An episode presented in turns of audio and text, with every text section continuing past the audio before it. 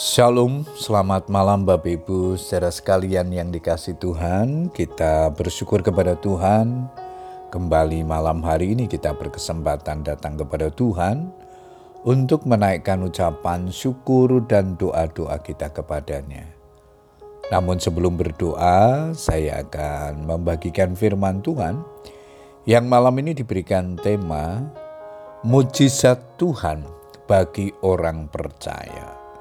Ayat mas kita di dalam kisah para rasul pasal 5 ayat 12 firman Tuhan berkata demikian.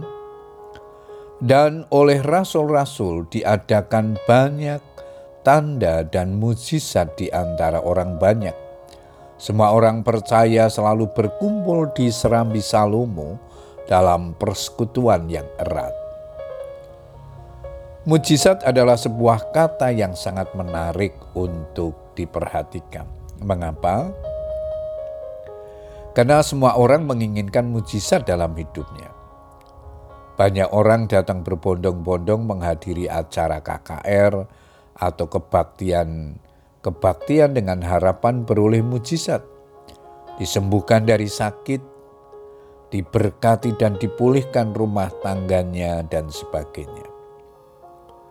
Tetapi tidak sedikit orang yang justru bersikap apatis, acuh tak acuh, masa bodoh, tidak peduli ketika mendengar kata mujizat, karena mereka menganggap bahwa mujizat itu tidak penting dan hanya cerita masa lalu. Dalam mengikut Yesus, kita harus memiliki motivasi yang benar Jangan sampai kita mencari Tuhan semata-mata demi mendapatkan mujizat. Ketika banyak orang berbondong-bondong mengikut Dia, berkatalah Tuhan, "Sesungguhnya kamu mencari Aku bukan karena kamu telah melihat tanda-tanda, melainkan karena kamu telah makan roti itu dan kamu kenyang." Yohanes 6 ayat 26. Mereka bukan rindu mengenal pribadi Tuhan lebih dekat, tetapi mereka mengingini sesuatu dari Tuhan. Fokus utama kita haruslah pribadi Tuhan, sumber segala mujizat. Kalau kita percaya kepada Tuhan dan sungguh-sungguh mencari Dia, mujizat pasti kita alami.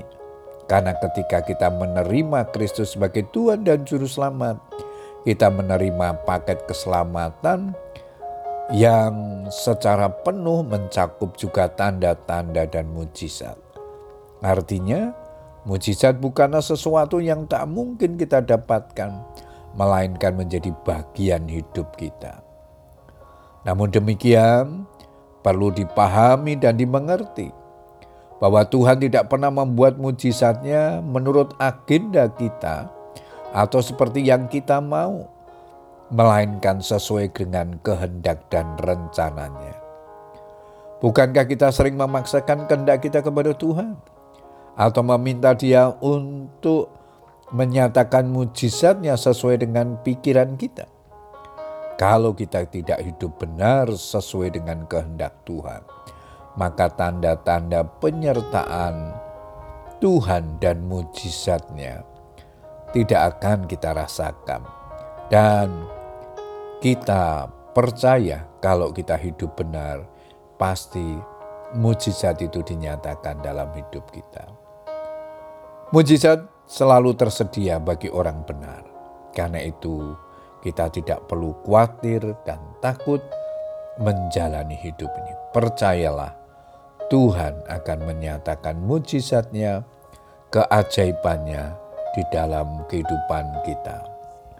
Puji Tuhan, Bapak Ibu saudara sekalian, biarlah kebenaran firman Tuhan yang kita baca dan renungkan malam hari ini boleh menjadi berkat menguatkan kita untuk terus kita percaya kepada kasih dan kuasanya dalam hidup kita.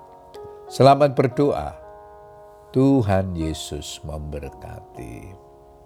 Amin.